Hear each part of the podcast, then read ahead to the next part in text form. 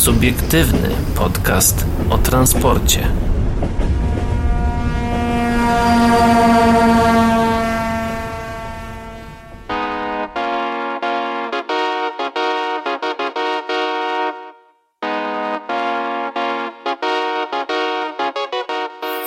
My już wróciliśmy z targów y, Innotrans. Y, atmosfera i emocje do, delikatnie opadły, ale jednak, jednak jesteśmy dalej w nastrojach, y, nastrojach targowych. I wraz ze mną przy mikrofonie, co prawda trochę zdalnie, ale jest Jacek Fink-Finowicki. Cześć Jacku. Cześć, witam wszystkich. Rozmawialiśmy już wcześniej z Marcinem Góreckim, rzecznikiem prasowym, co nieco nam opowiedział o, o, o wystawie Siemensa. E, mam nadzieję, że już odcinek wyszedł i już mieliście okazję go odsłuchać. Jeżeli nie, no to zapraszam do sprawdzenia. No ale teraz z Jackiem porozmawiam trochę bardziej o technicznych e, aspektach.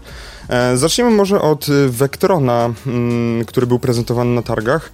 E, czym tak naprawdę, no głównie konstrukcyjnie, różni się Vectron taki klasyczny, standardowy w podstawowej wersji e, od Vectrona, który został przez Was zaprezentowany, który ma prędkość maksymalną 230 według dopuszczeń? Znaczy według dopuszczeń, które są w trakcie uzyskiwania, bo jeszcze z tego co mi wiadomo na dzień dzisiejszy nie jest ten, ten pojazd jeszcze dopuszczony do, e, do jazdy z takimi prędkościami w ogóle nie jest dopuszczony, po prostu jeszcze, jeszcze oczekuje.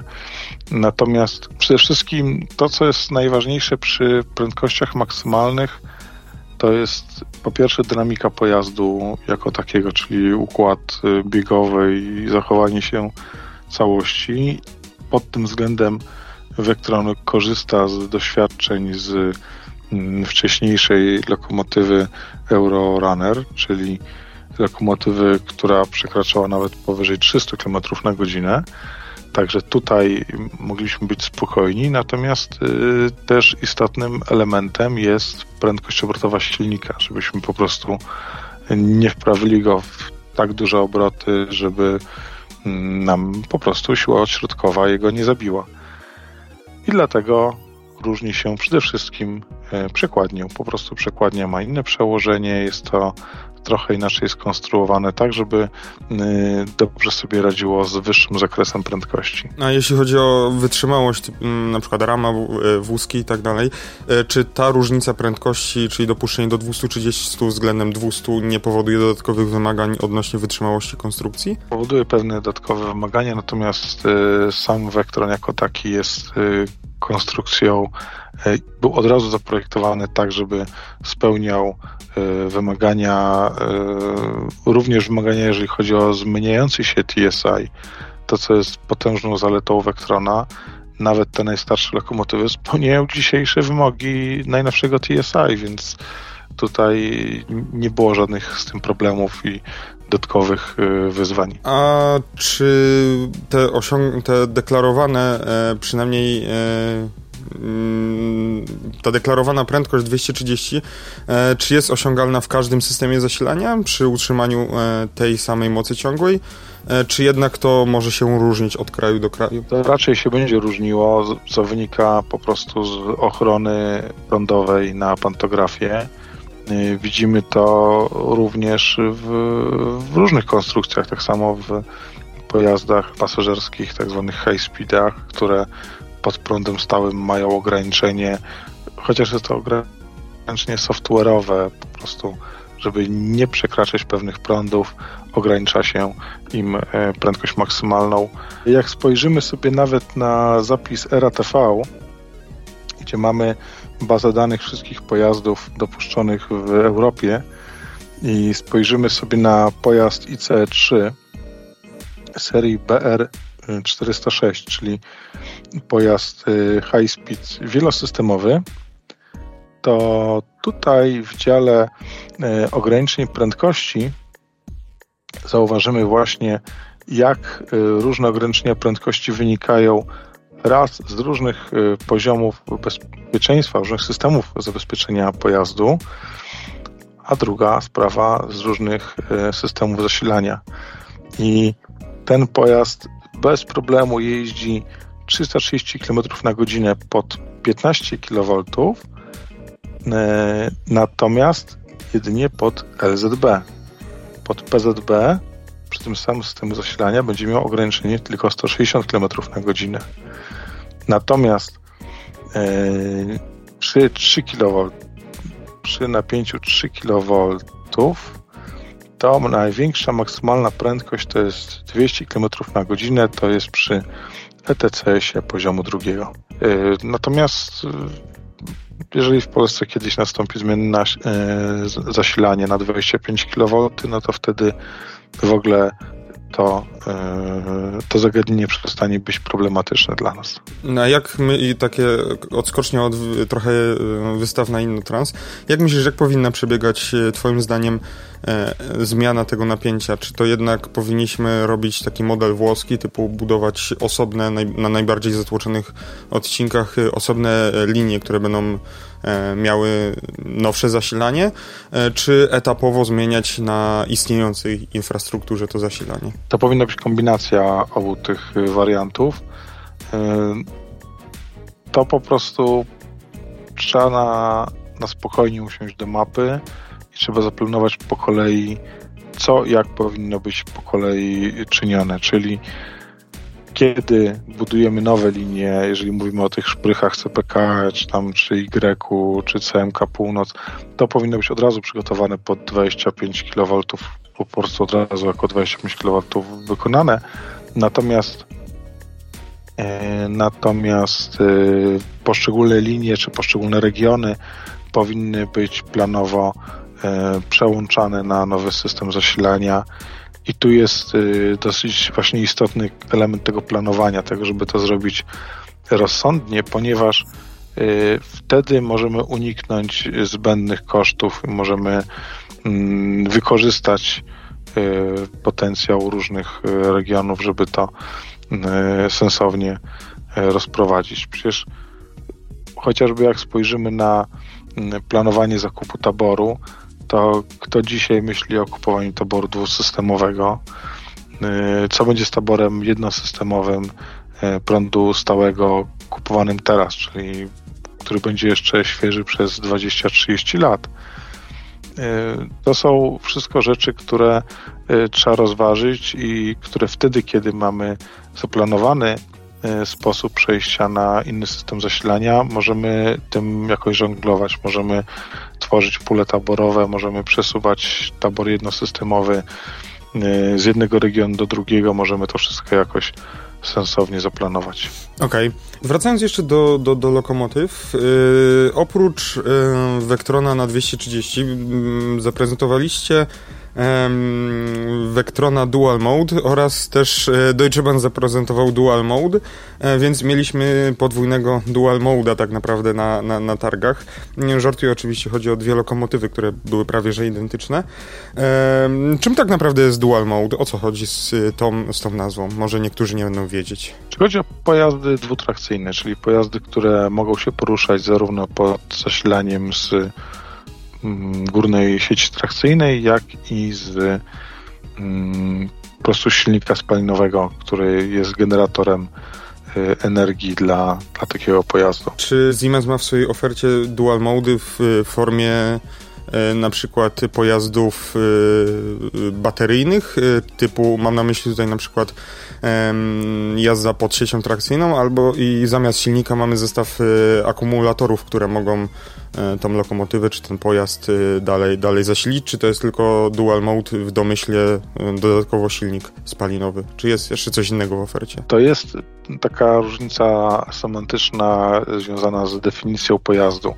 Jeżeli mówimy o pojeździe dwutrakcyjnym, czyli mamy trakcję spalinową i trakcję elektryczną, czyli dual mode, to mamy dwa zupełnie różne źródła pierwotne albo tym źródłem pierwotnym jest sieć trakcyjna, albo źródłem pierwotnym jest e, paliwo w baku. Mm, I w obu przypadkach mamy pojazd, który wykorzystuje tylko energię pierwotną, raz ją wykorzysta i koniec. Nie da się z tym więcej nic zrobić. Mm, I albo wykorzystujemy jedno źródło, albo drugie. Nie jeździmy na raz i na dieslu, i na pantografie. Jeździmy albo na tym, albo na tym. Przełączamy się między jednym a drugim. Natomiast jeżeli mamy pojazd sieciowy z bateriami trakcyjnymi, to wtedy sieciowo jeździmy pojazdem jak zwykłym EZM, e, czy jak zwykłym pojazdem elektrycznym. Mm, jeżeli wyjeżdżamy poza sieć trakcyjną, to wtedy korzystamy z baterii. Tylko teraz, kiedy ta bateria została naładowana? Wtedy, kiedy korzystała z pierwotnego źródła energii, czyli z sieci trakcyjnej. Natomiast w momencie, gdy korzystamy już z baterii, bateria jest tym źródłem wtórnym, czyli ona jest ładowana i rozładowywana. Ma pracę w dwóch kierunkach. Coś, czego nie mamy na silniku spalinowym. Tak? Hamując silnikiem, nie przybywa nam paliwa w baku. I w tym przypadku, jeżeli mamy co najmniej jedno źródło wtórne, a mamy więcej źródeł energii niż y, jedno, i te źródła mogą ze sobą współpracować równolegle, y, to wtedy mówimy o pojeździe hybrydowym. Czyli mamy pojazd hybrydowy, y, sieciowo-bateryjny. Takim pojazdem jest chociażby Mireo Plus B, które, tak jak było widać na targach, y, wewnętrznie od strony pasażera właściwie niczym się nie różni od Mireo Plus H, czyli pojazdu wodorowego, który również jest pojazdem mm, hybrydowym. Natomiast nie korzysta z sieci trakcyjnej, korzysta tylko i wyłącznie z źródła pierwotnego, czyli ogniw wodorowych oraz źródła wtórnego, czyli baterii trakcyjnych, ponieważ też z tymi bateriami trakcyjnymi cały czas pojazd jeździ i, mm, i układ y, napędowy korzysta z głównie tak naprawdę z baterii trakcyjnych. Y, wodór jest wpięty w cały ten układ y, w sposób trochę bardziej skomplikowany i, i dlatego jest to pojazd jak najbardziej hybrydowy. No właśnie, czyli zaznacz, y, wskazać tutaj ważną kwestię, że należy rozróżnić pojazd y, dual mode. Można, można powiedzieć, że dual mode to jest to samo co pojazd dwutrakcyjny? Tak, to jest pojazd dwutrakcyjny po prostu. A pojazd y, hybrydowy? Pojazd hybrydowy to jest taki, który ma źródło zasilania jedno, źródło poboru energii. A a, a, a, pojazd dwutrakcyjny no to jest taki, który ma dwa źródła energii. Dobrze to rozumiem? Można to tak uprościć? Pojazd dwutrakcyjny ma pojedyn- ma źródła energii, które zawsze działa tylko jedno w danym momencie i są to źródła pierwotne. Czyli takie, których nie da się, w których nie da się kumulować energii. Układ hybrydowy to jest taki, który ma przynajmniej dwa źródła energii pracujące równolegle w tym samym czasie i zarazem są to przynajmniej jedno z tych źródeł musi być źródłem wtórnym, czyli mo, które może akumulować energię. Okej, okay, dobra, czyli teraz już, y, już rozumiem. E, dwutrakcyjny to jest taki, który ma dwa źródła zasilania, gdzie każdy pracuje y, y, tylko jedno może pracować w danym momencie e, i w hybrydzie mm, dwa źródła zasilania mogą pracować jednocześnie. Dobra, to chyba już dobrze zrozumiałem definicję. Tak, dokładnie. Dobra, wracając, y, właśnie wymieniłeś Mireocha, czyli chyba moim zdaniem no największy, największa ciekawostka na całych targach, przynajmniej na ekspozycji zewnętrznej bo z ekspozycji wewnętrznej nie zdołałem w 100% zwiedzić, więc, więc nie, jestem, nie jestem w stanie wskazać, czy na pewno największa ciekawostka na targach. Chodzi oczywiście o y, wodorowy pojazd y, Siemensa, Mireocha. No i jakie są wyzwania inżynierskie podczas projektowania y, takiego wodorowego pojazdu? Czy może to w tym nie ma nic skomplikowanego i, i to działa tak samo jak zwykłe klasyczne EZ-y? Odpowiedź nie jest taka trywialna, ponieważ wyzwań inżynierskich zawsze jest dużo przy projektowaniu takiego typu pojazdu, ponieważ y, w stosunku do zwykłego elektrycznego zespołu trakcyjnego pojawiają się nam podzespoły, które zajmują dużo miejsca lub mają dosyć dużą masę. Y, mamy tu chociażby y, duże baterie trakcyjne, które gdzieś musimy schować, zmieścić. Musimy przewieźć też zapas wodoru. Gdzieś musimy umieścić bezpiecznie możliwie blisko tych zbiorników wodorowych ogniwo wodorowe.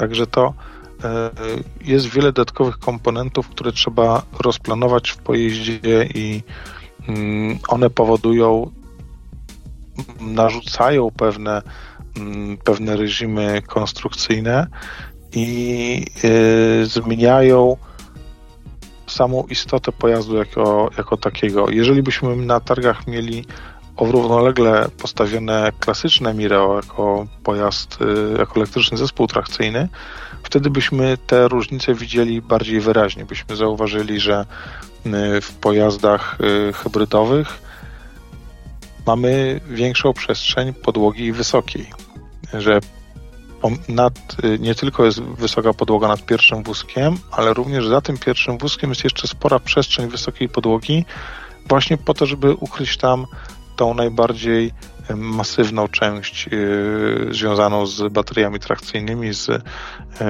z falownikami. Natomiast y, cały dach jest zabudowany y, techniką związaną właśnie, czy w przypadku wodorowego, y, z techniką wodorową, natomiast w przypadku pojazdu bateryjnego mm, jest tam też dużo tej techniki zwykłej, trakcyjnej, zabudowanej na dachu.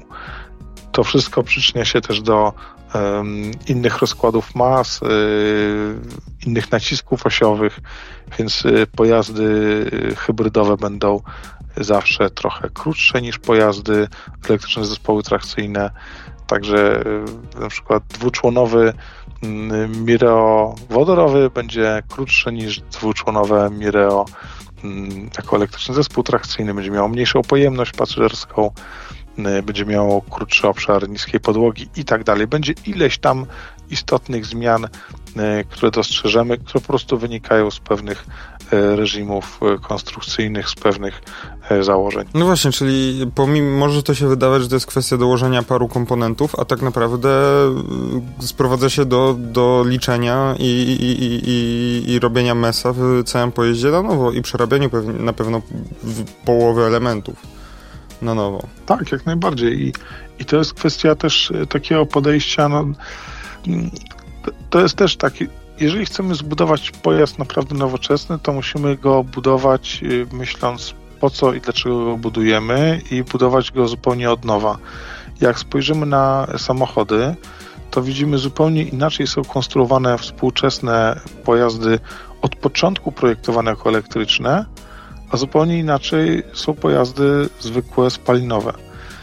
I jeżeli y, przyjrzymy się, no jest mnóstwo projektów do znalezienia w internecie, od Syrenki, Malucha, Wartburga, cokolwiek bądź, które dało się przerobić na elektryczne. Nawet widziałem ostatnio ogłoszenie na sprzedaż elektryczny Trabant. Y, no, da, da, się to zrobić, tak? Natomiast y, ten pojazd nie będzie zoptymalizowany, nie będzie miał takich osiągów jak pojazd zbudowany od początku jako pojazd elektryczny, gdzie te wszystkie baterie będą nie gdzieś tam w bagażniku czy pod, y, obok silnika pod maską poupychane, tylko będą jako płaski pakiet pod podłogą.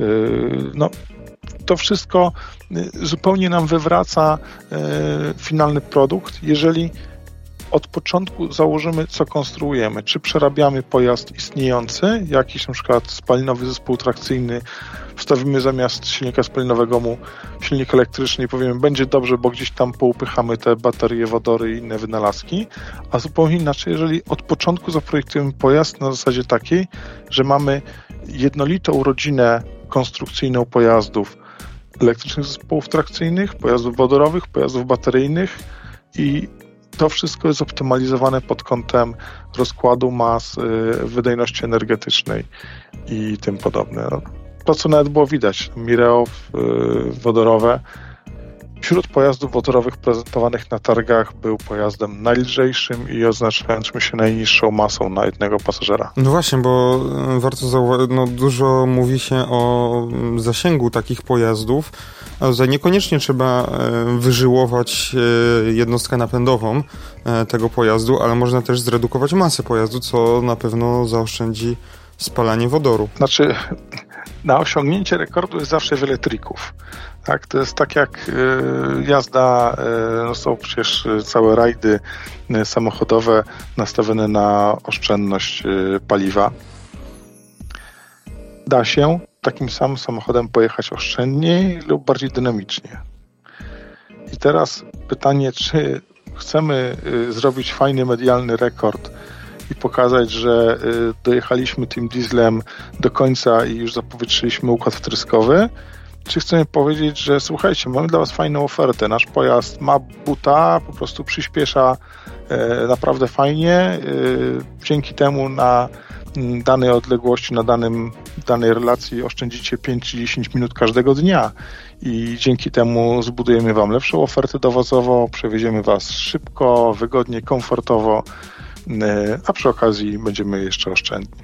Także ja bym tu nie patrzył na zasięgi, czy deklarowane, czy uzyskiwane w jakichś rekordach, bo to chociażby ograniczając liczbę zatrzymań, zmieniając dynamikę tego pojazdu, y, zmienia, obniżając jego prędkość maksymalną, możemy uzyskać dużo większe zasięgi, ale to, to nie na tym polega sztuka. Sztuka jest taka, żebyśmy mieli pojazd, który danego dnia nie będzie potrzebował tankowania gdzieś tam pomiędzy jednym a drugim kursem, kiedy po prostu ten pojazd jedzie na nocne sprzątanie, zostanie przy okazji zatankowany tak, jak był tankowany zwykły diesel, że mógł kolejny dzień, czy nawet dwa dni przejeździć bez żadnych dodatkowych zatrzymań spowodowanych brakiem paliwa. Tutaj chyba nie ma co nawet y, ukrywać się, oszukiwać, że bicie prędkości które jest bardzo modne na kolei, przynajmniej swego czasu było, no nie odbywa się w, sposób, w warunkach takich e, codziennej eksploatacji, tylko są zmieniane e, koła o większej średnicy, e, jest podwyższane napięcie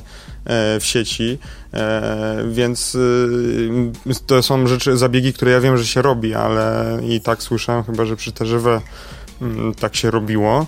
Ale to są właśnie, tak jak mówisz, pokazówki. Dobrze mówię, że to tak te, te rzeczy, deklar, dekl, te rzeczy, które są rekordowe, e, którymi niektórzy, się tak niektórzy chwalą, e, no to nie do końca czasami są realne do takich codziennych zastosowań. Nawet Eurosprinter Siemensa, który przejechał 357 km na godzinę, ile on tam ciągnął? Dwa pudełka na haku? No co to jest dla lokomotywy? No to jest nic. No to co, zróbmy może wyścigi ciągników siodłowych luzem i zobaczymy, który jest szybszy. No, a na autostradzie i tak każdy musi jechać 90 i ważne jest to, żeby przewiózł jak najwięcej towaru e, efektywnie, więc e, zawsze rekord rekordem to jest fajne dla mediów, to się fajnie sprzedaje. Każda firma zawsze to robi na zasadzie takiego trochę pokazu technologii, e, trochę sprawdzenia niektórych rzeczy w sytuacjach ekstremalnych, bo tak naprawdę bicie rekordu to jest też e, sytuacja ekstremalna. Tak samo jak e, po co w motorsporcie, w ogóle po co jest motorsport i po co te wszystkie Formuły 1, po co te wszystkie krosy i tym podobne. Po to, żeby testować rozwiązania konstrukcyjne, pewne idee, które potem są wdrażane do normalnych pojazdów, po prostu dla rynku cywilnego.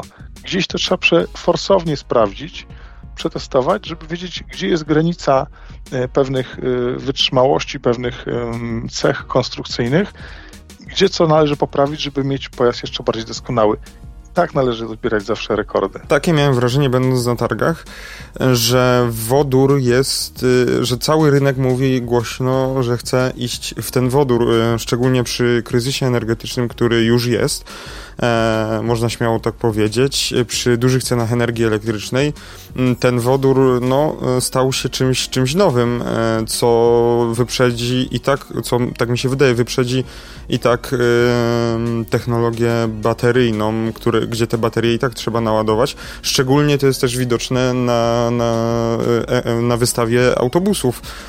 Pomijając już to, że w ogóle spalinowego autobusu chyba nie widziałem żadnego, tak mi się wydaje, a połowa z prezentowanych była autobusami wodorowymi. Czy też podzielasz moje zdanie i też uważasz, że wodór to jest y, coś, w co teraz cała branża będzie szła i będziemy może mogli już powoli zapomni zapomnieć o pojazdach w 100% bateryjnych?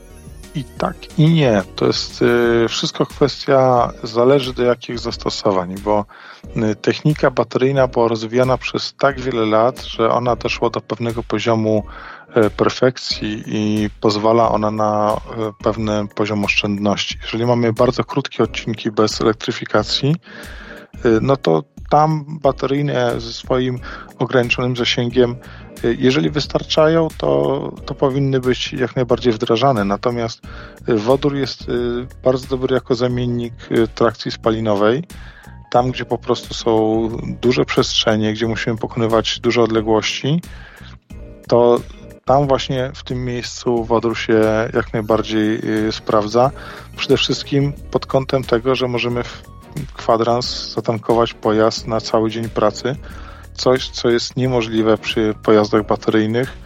No i też nawet y, przy różnych pomysłach typu wymiana pakietów bateryjnych czy coś, no te, też sobie tego nie wyobrażam, żeby to w ciągu, w cyklu dobowym zamknęło się w 15 minut, tak jak jest to możliwe przy, przy wodorze, a po prostu wodór jest y, bardzo dobrym y, magazynem energii, bardzo łatwym do przeniesienia z jednego punktu do drugiego, po prostu poprzez proces tankowania i jest to też źródło takie też Mm, komponent energetyczny, no bo właśnie pytanie, czy wodór jest źródłem, tak? Bo źródłem na przykład jest wiatrak, czy panel fotowoltaiczny, czy dowolne inne e, źródło energii.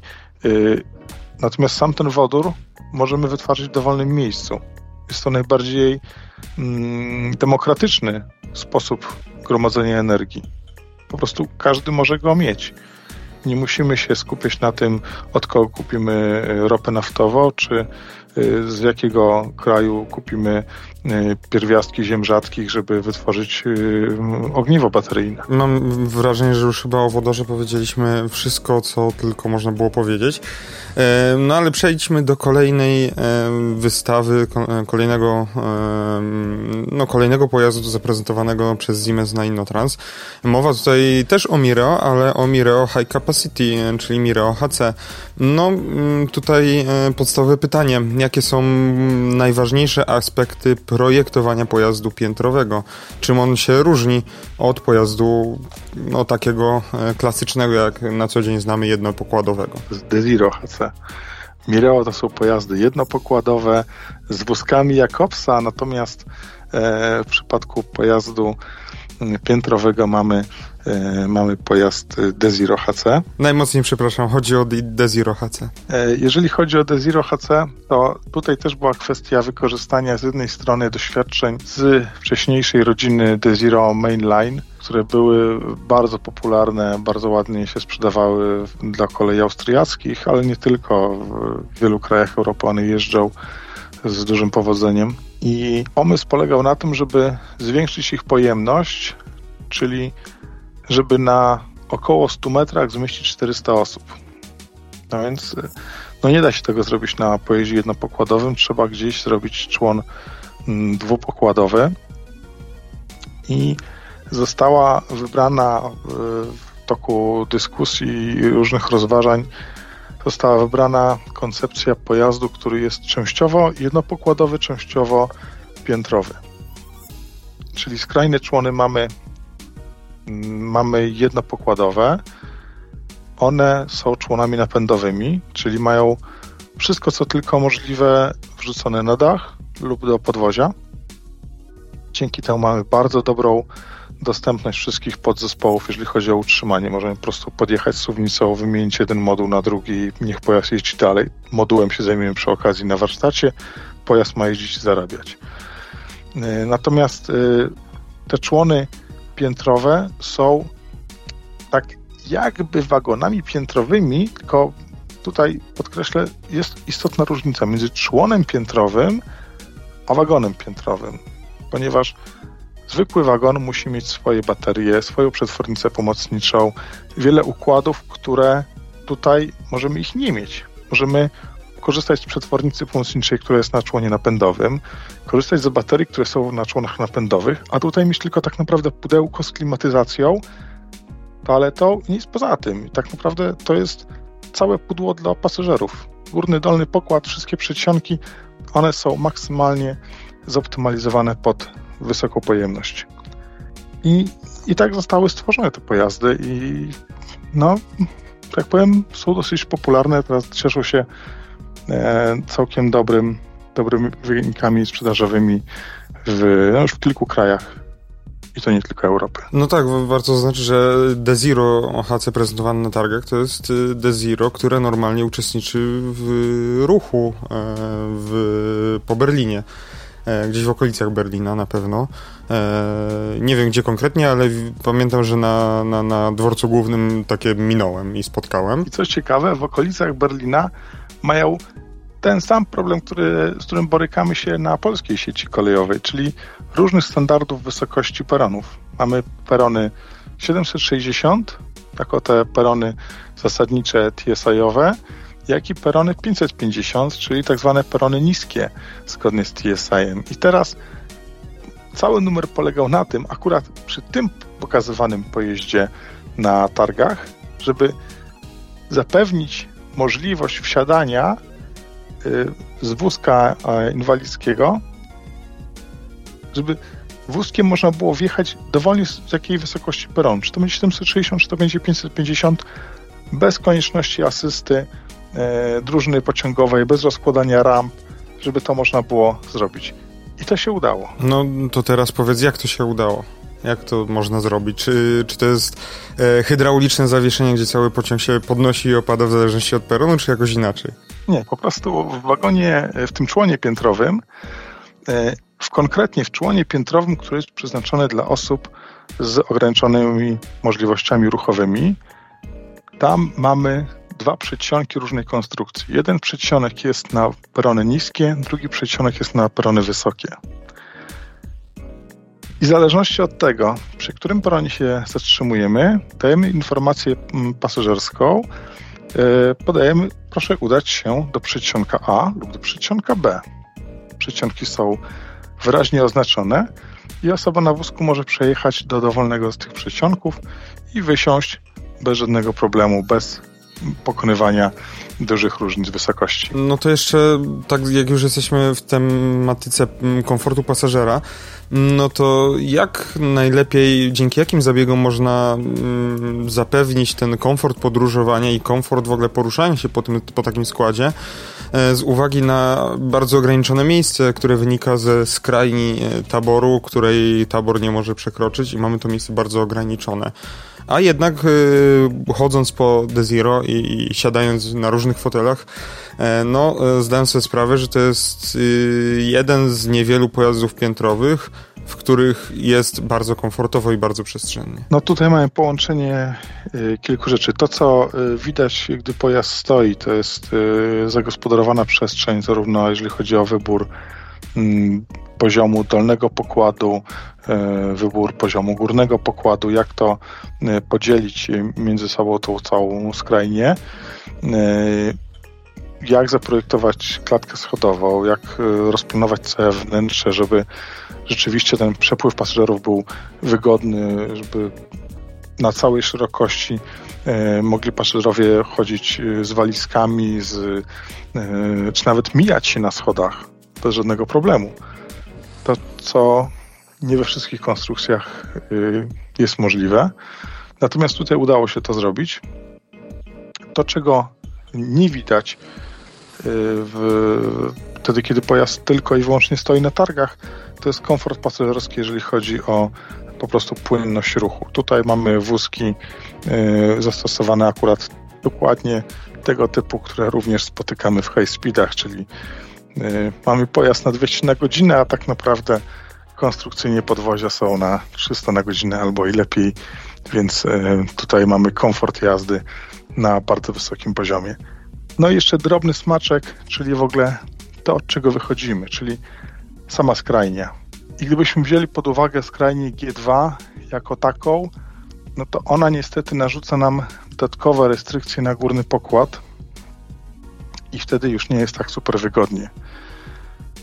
Prezentowany pojazd był w skrajni DE2, czyli skrajni niemieckiej.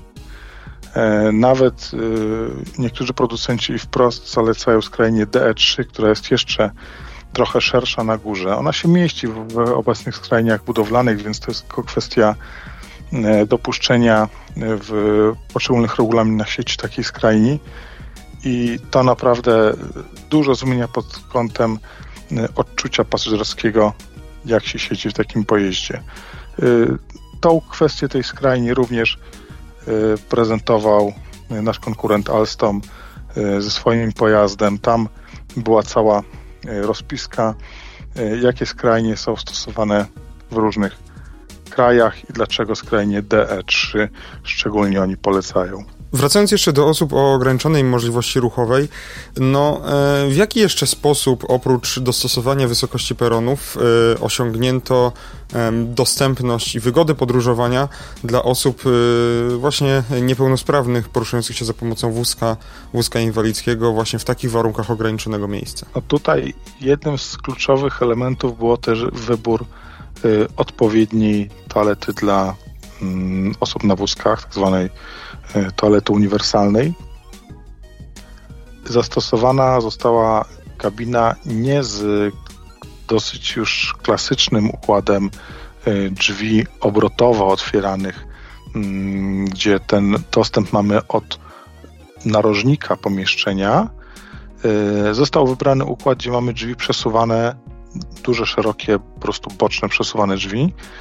Cała toaleta przez to jest w ogóle większa, zajmuje więcej przestrzeni w wagonie jest przede wszystkim dłuższa, natomiast jest ona wystarczająco węższa, żeby obok toalety było mm, właściwe, mm, właściwy korytarz do przemieszczania się osób na wózkach pomiędzy jednym a drugim przedsionkiem. Y, to był właśnie celowy wybór, żeby y, móc zrealizować ten, mm, ten wybieg z dwoma różnymi wersjami przedsionków do wysokich niskich peronów gdyby y, perony były wszystkie na jednej wysokości, gdybyśmy mieli jeden typ y, jeden typ y, wysokości do obsłużenia, w tym momencie byśmy mogli z tego zrezygnować, moglibyśmy zastosować standardową toaletę uniwersalną i uzyskać dodatkowe miejsca dla pasażerów siedzących. No właśnie wydaje mi się, że takie podejście z mm, klasycznymi drzwiami takimi rozsuwanymi, nie takimi półkolistymi, y, jest lepsze, bo po prostu okrąg jest z niewygodnym kształtem w ogóle do pracy. On fajnie wygląda wizualnie z zewnątrz, ale czy są jakieś praktyczne aspekty stosowania takich toalet, które są przynajmniej w, Pols w polskim taborze bardzo modne, bardzo popularne? Trochę mam wrażenie, że to jest produkowane typu po to, żeby, żeby zadowolić oczy zamawiającego, bo to po prostu fajnie wygląda, ale to ch chyba nie jest praktyczne, bo komu takie okrągłe wejście tak naprawdę pomaga? Czy ono pomaga w upakowaniu tej toalety na pokładzie pojazdu. Po prostu taka toaleta jest bardziej kompaktowa, zajmuje mniej przestrzeni, zawsze dodatkowy rząd siedzeń można wstawić, a dodatkowy rząd siedzeń są dodatkowi pasażerowie, którzy będą jechali zadowoleni, zapłacą bilety, więc jeżeli możemy stosować taką toaletę z tymi drzwiami półokrągłymi, to, e, to właśnie takie, takie rozwiązanie jest wybierane najczęściej. W takim razie wyprowadziłeś mnie z błędu, z błędu i jednak, jednak takie półokrągłe drzwi są, są istotne. No ale przejdźmy już, odejdźmy od The Zero HC, przejdźmy do kolejnego, e, kolejnego gościa naszych targów e, z rodziny Siemensa, czyli chodzi o tramwaj Avenio. E, jak oglądałem tramwaj i potem też przeczytałem w broszurach, no Avenio ma w 100% niską podłogę.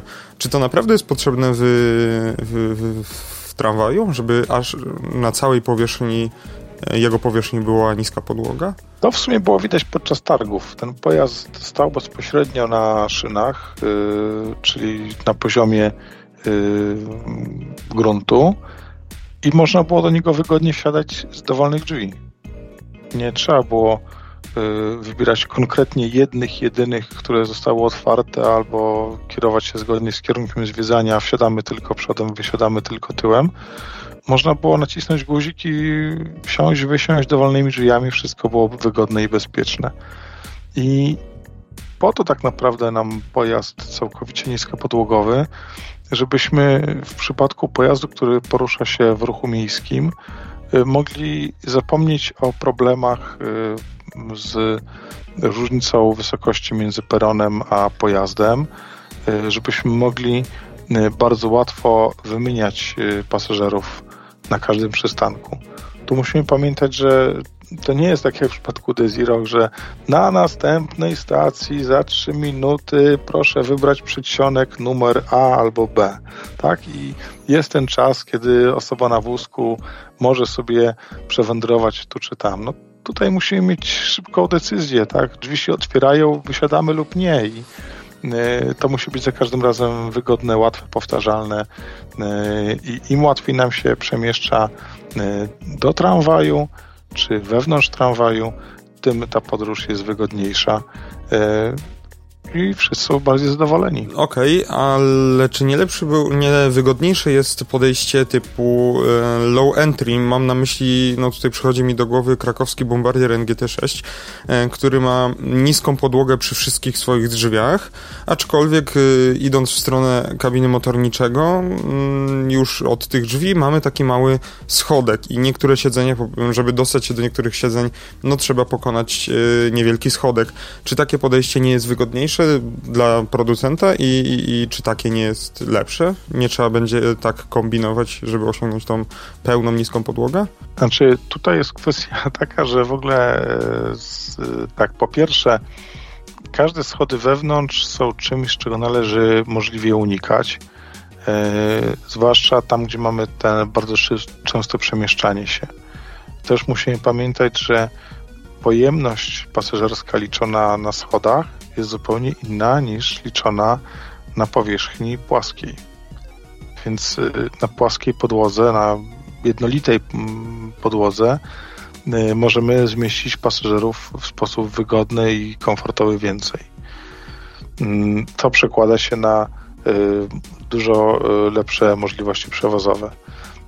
Z drugiej strony pytanie, czy mm, konstrukcja pojazdu niskopodłogowego jest wyzwaniem, czy jest tak naprawdę efektem. Bo jak spojrzymy na konstrukcję wózków w pojazdach Avenio, to ta niska podłogowość wyszła niejako niechcący. Po prostu pojazd tramwajowy, żeby się dobrze wpisywać w infrastrukturę miejską, nie powinien mieć y, osi pomiędzy y, kołami. Nie powinny być koła na sztywno spięte osią, tylko powinny być napędzane y, z danej strony e, przez jeden silnik. To powoduje e, zupełnie mm, inny sposób prowadzenia wózka w torze, a skutkuje to tym, że po prostu akurat w tej przestrzeni między kołami mamy i tak naturalny korytarz, więc zrobienie pojazdu stuprocentowo niskopodłogowego jest e, niejako skutkiem ubocznym tego, jak został skonstruowany wózek. No dlaczego powinniśmy unikać tak naprawdę mm, fizycznego połączenia, mechanicznego połączenia tych dwóch kół ze sobą w zastosowaniach tramwajowych? Przecież w kolei wszystkie te pojazdy są w ten sposób konstruowane i to się sprawdza. Tak, tylko że w kolei stosujemy promienie łuków 500 metrów i więcej, tak? Pomijam jakieś tematy tam na zajezdni, że gdzieś tam mamy pojedyncze łuki typu 300 metrów. Mm, w praktyce y, łuki drogi kolejowej liczymy w setkach metrów lub e, raczej nawet w kilometrach. Natomiast w ruchu miejskim, gdzie musimy tramwaj zmieścić w ciasnych uliczkach miasta, łuki dochodzą czasami nawet do 12 metrów promienia. To są naprawdę bardzo ciasne łuki i to, jaka jest różnica prędkości liniowej na wewnątrz i na zewnątrz łuku, no to odczuwał każdy, kto choć raz tańczył poloneza i szeroką ławą był albo w środku, albo na końcu tej ławy i, i wyczuwał na zakrętach, co się dzieje. E, po prostu koła muszą być rozprzęgnięte. Inaczej zawsze będzie dochodziło do poślizgów, będzie dochodziło do zużycia e, kół, będzie dochodziło również do e, zjawisk które będą prowadziły nawet do niemożności wywiązania siły trakcyjnej i do zakleszczenia pojazdu w ciasnym łuku. Moje kolejne pytanie mm, dotyczyło właśnie kół, e, bo e, Avenio na stronach internetowych Siemens właśnie chwali się mm, podwyższonym okresem eksploatacji kół. E, czy to właśnie wynika z tego, że mamy tą, no tak w cudzysłowie można powiedzieć, chyba wirtualną oś, czy jeszcze zastosowano jakieś, jakieś sztuczki, które pomagają podwyższyć ten okres eksploatacji? To jest cała konstrukcja wózka. Przede wszystkim ta oś wirtualna, czy oś y, mm, e, elektryczna tak naprawdę, bo tutaj istotne jest też to, że oba silniki trakcyjne po obu stronach są napędzane z jednego falownika, e, co powoduje znowu wykorzystanie podstawowych właściwości e, energo, energoelektrycznych silników prądu przemiennego i ich poślizgu w funkcji momentu obrotowego. To wszystko mm, skutkuje tym, że mm, ten pojazd dobrze się prowadzi i dodatkowo mm, jak spojrzymy też na samą konstrukcję wózka, czyli jak te poszczególne pary kół, bo to nie można nazwać zestawem kołowym, tylko pary kół, jak są zamocowane do ramy wózka, jak jest wykonana sama rama wózka, jak ta rama wózka jest połączona z, mm, z pojazdem, bo tam też występuje dosyć istotna podatność y, ruchowa, to wszystko skutkuje tym, że y, no, trudno nam powiedzieć tak naprawdę, jaki jest kres żywotności zestawów kołowych, kres żywotności obręczy, ponieważ dostarczone no już jakiś czas temu pojazdy do, mm, do Budapesztu jeżdżą cały czas na fabrycznych obręczach. Już osiągnęły ponad 600 tysięcy kilometrów i jeżdżą dalej. Także mm, jak będziemy musieli wymienić pierwsze obręcze ze względu na zużycie, to wtedy będziemy po mogli powiedzieć, no to jest nasz limit. Natomiast y, dzisiaj to są na razie tylko bardziej czy mniej ostrożne szacunki, które y, podają Mm, jaką oszczędność na e, obręczach możemy uzyskać. Jeszcze tutaj powiedziałeś o konstrukcji pojazdu, już nie, nie, nie, e, czepiając, nie, nie pytając o sam wózek, ale, e, to, ale jak wygląda konstrukcja całego w ogóle pudła i całego szkieletu pojazdu względem tego, że Avenio ma tak dużo drzwi i to są dość szerokie drzwi i tam na jeden człon przypadają dwie pary drzwi, tak, no w sensie jedno wejście jest po prostu, dwa wejścia są w jednym członie. Tak to, chyba tak dobrze to zaprezentowałem głosowo. Tak. E, no i czy taka duża ilość drzwi, czyli po prostu mm, kolokwialnie mówiąc dziur w konstrukcji, e, nie, i to, i to z jednej strony, nie wpływa jakoś negatywnie na wytrzymałość tramwaju? Mało tego, w przypadku Avenio dwukierunkowych, to wtedy mamy tych drzwi na każdy człon cztery, bo są dwa na daną stronę. I to nie wpływa negatywnie na e, wytrzymałość całości, ponieważ cały układ jest podparty w środku, na wózku. Każdy człon jest w środku podparty na wózku, reszta wisi wokół tego, więc yy, też połączenie poszczególnych członów między sobą, wykorzystanie pewnych zależności, progresywnej sztywności, w prowadzeniu wózków względem pudeł, e, pudeł względem siebie, to wszystko powoduje, że możemy zrezygnować z pewnych dodatkowych e, wymuszeń siłowych pomiędzy członami, możemy zmniejszyć masę całej konstrukcji i możemy ją bardzo efektywnie wykorzystać. Mm, także e, układ konstrukcyjny Aveni jak na pierwszy rzut oka wydaje się dziwaczny i, taki inny niż zazwyczaj spotykamy na ulicach y, polskich miast, to na koniec końców, jak sobie go przeanalizujemy, po prostu jest y, daleko posuniętą optymalizacją w kierunku uzyskania pojazdu lekkiego, pojemnego i dzięki temu oszczędnego. No właśnie, e, to, e, to jest bardzo, bardzo ciekawe, co mówisz, bo jak oglądałem sobie filmiki jeszcze z fabryki, takie e, pokazowe tego Avenio, jak tam był spawany, no to konstrukcja wyglądała jak, e, no jak ser szwajcarski, patrząc na te drzwi i okna. Ale e, jeszcze zaciekawiła mnie jedna rzecz, czytając sobie broszury, bo zostało ujęte tam sformułowanie mm, potrójnego zawieszenia. No jeśli chodzi o moją edukację kolejową, no to zatrzymałem się na tym, że w kolejnictwie stosuje się e, zawieszenie pierwszego stopnia, zawieszenie drugiego stopnia, czy usprężynowanie, jak to tak niektórzy wolą mówić, e, ale trzeciego stopnia, no to o tym jeszcze nie słyszałem. Co to tak naprawdę jest? Stosujesz czasem nawet i czterostopniowe zawieszenie tak naprawdę. E, w tramwajach akurat e, pierwszy stopień jest bezpośrednio w kole napędowym. Koło jezdne jest jest już amortyzowane samo w sobie i e, tam poprzez wkładkę gumową uzyskujemy ten pierwszy stopień zawieszenia, e, czy właściwie można powiedzieć zerowy stopień zawieszenia, bo pierwszym stopień zawieszenia przyjęło się, że to jest między łożyskiem osiowym a, a ramą wózka. Mm, także tutaj mamy zarówno usprężynowane samo koło, Po drugie, mamy usprężynowanie pomiędzy osią koła a łożyskiem osiowym, a, a ramą wózka. No i oczywiście też zawieszenie podatne jest między samym wózkiem a pudłem i tam jeszcze też jest ciekawostka, ponieważ jest to połączenie e, szeregowe dwóch typów sprężyn, czyli też w, mm, wedle niektórych terminologii można by nazwać to zawieszenie, że jest dwu, że zawiera dwa stopnie zawieszenia, ponieważ posiada dwa rodzaje sprężyn pracujące mm, szeregowo. Chyba już y, wszystkie py pytania i tematy, jakie miałem do ciebie, zostały wyczerpane. Jeszcze mamy X-Wagen. Właśnie, no to jeżeli chcesz o metrze wiedeńskim coś powiedzieć, no to powiedz, bo ja w temacie metra aż tak bardzo nie siedzę i aż nawet nie wiedziałem, co tam, o co mogę zapytać. Ale możesz powiedzieć e, o czym, jakieś ciekawostki techniczne związane z tym metrem.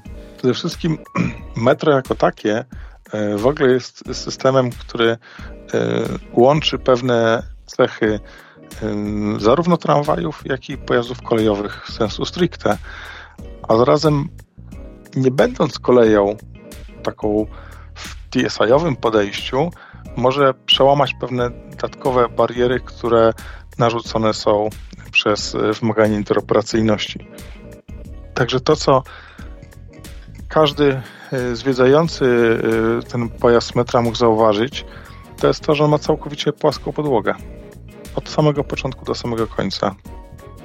Nie ma żadnych stopni, nie ma żadnych e, nadkoli czy innych elementów wystających, tak jak jest to w tramwajach, ponieważ podłogę mamy na tyle wysoko, że cała technika, wszystkie wózki, e, cała technika też napędowa jest zamieszczona pod tą wysoko podniesioną podłogą, e, a zarazem sam pojazd jest, no znowu nie ma tych ograniczeń TSI-owych, jeżeli chodzi o wysokości peronu, więc ta podłoga może być tak wysoko, ale też nie ma ograniczeń, że na przykład musi zdążyć, e, musi zdołać wytrzymać zderzenie z lokomotywą z pociągiem towarowym, ponieważ metro powinno jeździć na sieci zupełnie wydzielonej. I dzięki temu pojazd mamy dużo lżejszy, e, dużo bardziej e, wydajny i dlatego systemy metra mają się dobrze i się też dobrze rozwijają w wielu w wielu krajach Europy. Jeszcze z tego, co się orientuję i siedzę w branży hamulcowej, no to przez to, że metro nie podlega pod y, karty UIC, pod, pod, pod TSI-a, no to ze względu hamulca nie jest konieczny tak, y, tak zwany przewód główny, czyli main brake pipe, więc y, to też jest y, spore, spore ułatwienie, bo y, jeśli chodzi o, o aspekty konstrukcyjne hamulców i, i, całego sterowania hamulcami. Tak, nie ma głównego przewodu, więc to powoduje, że można w ogóle podejść zupełnie inaczej do konstruowania układów hamulcowych. Można zastosować nawet hamulec bezpowietrzny to, co mamy w przypadku e, wagonu dziesiątej generacji dla Wiednia. E, tam mamy e, zaciski hamulcowe opracowane wspólnie przez Siemensa i firmę Leibher. Mm, to są zaciski elektrohydrauliczne, które są bardzo łatwe w wysterowaniu. Także pojazd zarządza nie tylko napędem, ale i hamowaniem, tak żeby maksymalnie wykorzystać hamowanie odzyskowe, a hamulec był tylko tak naprawdę tym hamulcem czy awaryjnym, czy, e, czy mm, takim postojowym. I dzięki temu, że stosujemy tutaj technikę hydrauliki siłowej zamiast pneumatyki, znacząco ograniczamy zużycie powietrza, czyli znacząco ograniczamy też zużycie energii, bo nie musimy regularnie uruchamiać tej sprężarki i w ten sposób zasilać hamulców. Czyli to jest tak, ten elektrohydrauliczny y, hamulec, e, tak to nazwałeś, można porównać bardzo do rozwiązań tramwajowych hamulców, gdzie tam też mamy hydrogerę, akumulator hydrauliczny, no i, i, i sam zacisk który jest stricte napędzany hydrauliką? Czy to się czymś, czymś, czymś różni więcej? W dużej mierze tak, z tą różnicą przede wszystkim, że jest to zacisk dopasowany do zupełnie e, innych sił, innych e, mm, innego e, innej siły hamowania niż w przypadku zacisków tramwajowych. Są to dużo większe konstrukcje. One też są dopracowane pod kątem takiej zamienności z układami klasycznymi, pneumatycznymi. Czyli sam zacisk ma dokładnie te same mocowania, pracuje z takimi samymi średnicami tarcz.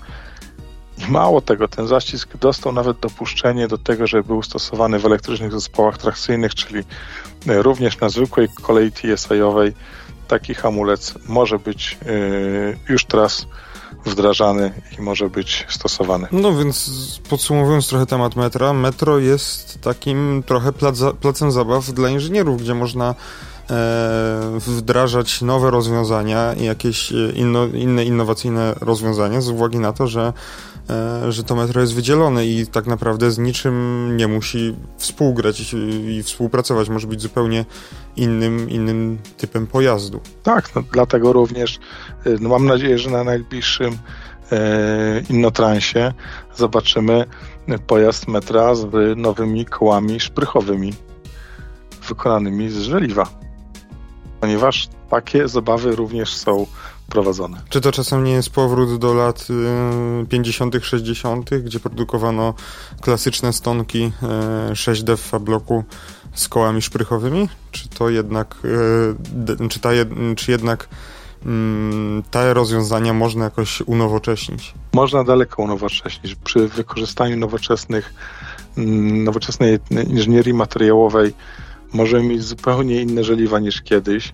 I tak jak znana bawarska firma powróciła do żeliwnych bloków e, w silnikach, tak e, i tutaj można w kołach kolejowych powrócić do żeliwa e, w sposób bardzo innowacyjny, uzyskując kolejne oszczędności, jeżeli chodzi o masę koła, zyskując na jego wytrzymałości, zwiększając też jego wytrzymałość, jeżeli chodzi o zużycie przy tarciu koła, a także zmniejszyć hałas kół. Także to jest e, też takie bardzo innowacyjne podejście. Na razie mm, ono jest głównie e, rozwijane w laboratoriach na e, poszczególnych pojazdach, czy wręcz poszczególnych wózkach testowych. Natomiast mam nadzieję, że również pojawi się zapewne najpierw w pojazdach metra, a dopiero później w jakichś elektrycznych zespołach trakcyjnych na już regionalnych, gdzie tam się pojawiają wyższe prędkości jazdy i też inne wymagania E, konstrukcyjne. Ja dorzucę taki komentarz, który e, nasunął mi się podczas różnych e, dyskusji takich kuluarowych na temat tego, że targi targami, to co właśnie też w dzisiejszej dyskusji pojawiało, dużo można pokazać pokazując tabor, bo jest na pewno 100 razy lepiej E, zabrać kogoś, żeby usiadł, żeby zobaczył, jak się w środku chodzi, jak się przemieszcza, jak jest wygodnie. Jest to wielokrotnie lepsze niż pokazywanie kolorowych folderów czy prezentacji. Natomiast jeszcze lepsze by było, gdyby takie targi odbywały się w sposób dynamiczny, gdyby to wszystko odbywało się e, w pobliżu jakiegoś e, toru doświadczalnego, gdzie poszczególne pojazdy cyklicznie by przejeżdżały ten sam e, odcinek toru i można było zebrać doświadczenia takie pasażerskie, czy jest ciszej, czy głośniej, czy czujemy się bardziej, czy mniej komfortowo, jak przyspiesza, jak, jak się nam po prostu takim pojazdem jeździ.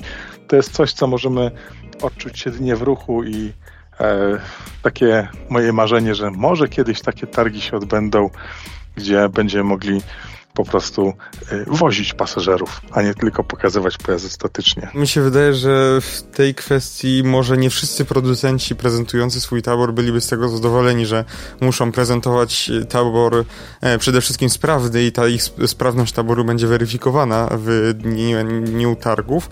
Ale nie wiem, Jasku, czy miałeś czas y, przejść się na wystawę autobusów, bo tam wokół tego parku, gdzie, gdzie stały te autobusy, one były tak ustawione na tych podjazdach swoich, że że one mogły z łatwością wyjechać z tego podjazdu, zrobić kółko y, na asfalcie, na takim mm, obwodzie tego parku i potem wrócić na to swoje miejsce parkingowe. No i jak zwiedzaliśmy właśnie wystawkę autobusów, to co jakiś czas, jak zebrała się jakaś grupka paru osób, która była chętna na przyjażdżkę danym autobusem, y, no to wsiadał kierowca i, i, i no oczywiście ze małą prędkością, no bo, no bo wszędzie byli były osoby zwiedzające, ale z małą prędkością, co prawda też przy bardzo sprzyjających warunkach, no bo tam był bardzo, bardzo równy ten asfalt i bardzo taki korzystny. Nie było żadnej dziury ale jednak można było spróbować się przejechać e, tym autobusem, ale to co mówisz, szkoda, że jeszcze tego nie ma, nie ma na kolei. No jest ta różnica między koleją a pojazdami drogowymi. Pojazdom drogowym zawsze jest łatwiej zorganizować gdzieś kawałek asfaltu i nie ma też kwestii e, systemów sterowania, sygnalingu, zabezpieczenia ruchu, e, kto po kim i dlaczego, można na widoczność jeden drugiemu, wręcz na zderzaku można też pojechać i, i nadal, żeby było bezpiecznie. Wraz ze mną był Jacek Fink-Finowicki, Siemens Mobility Polska. Dziękuję bardzo. Do usłyszenia.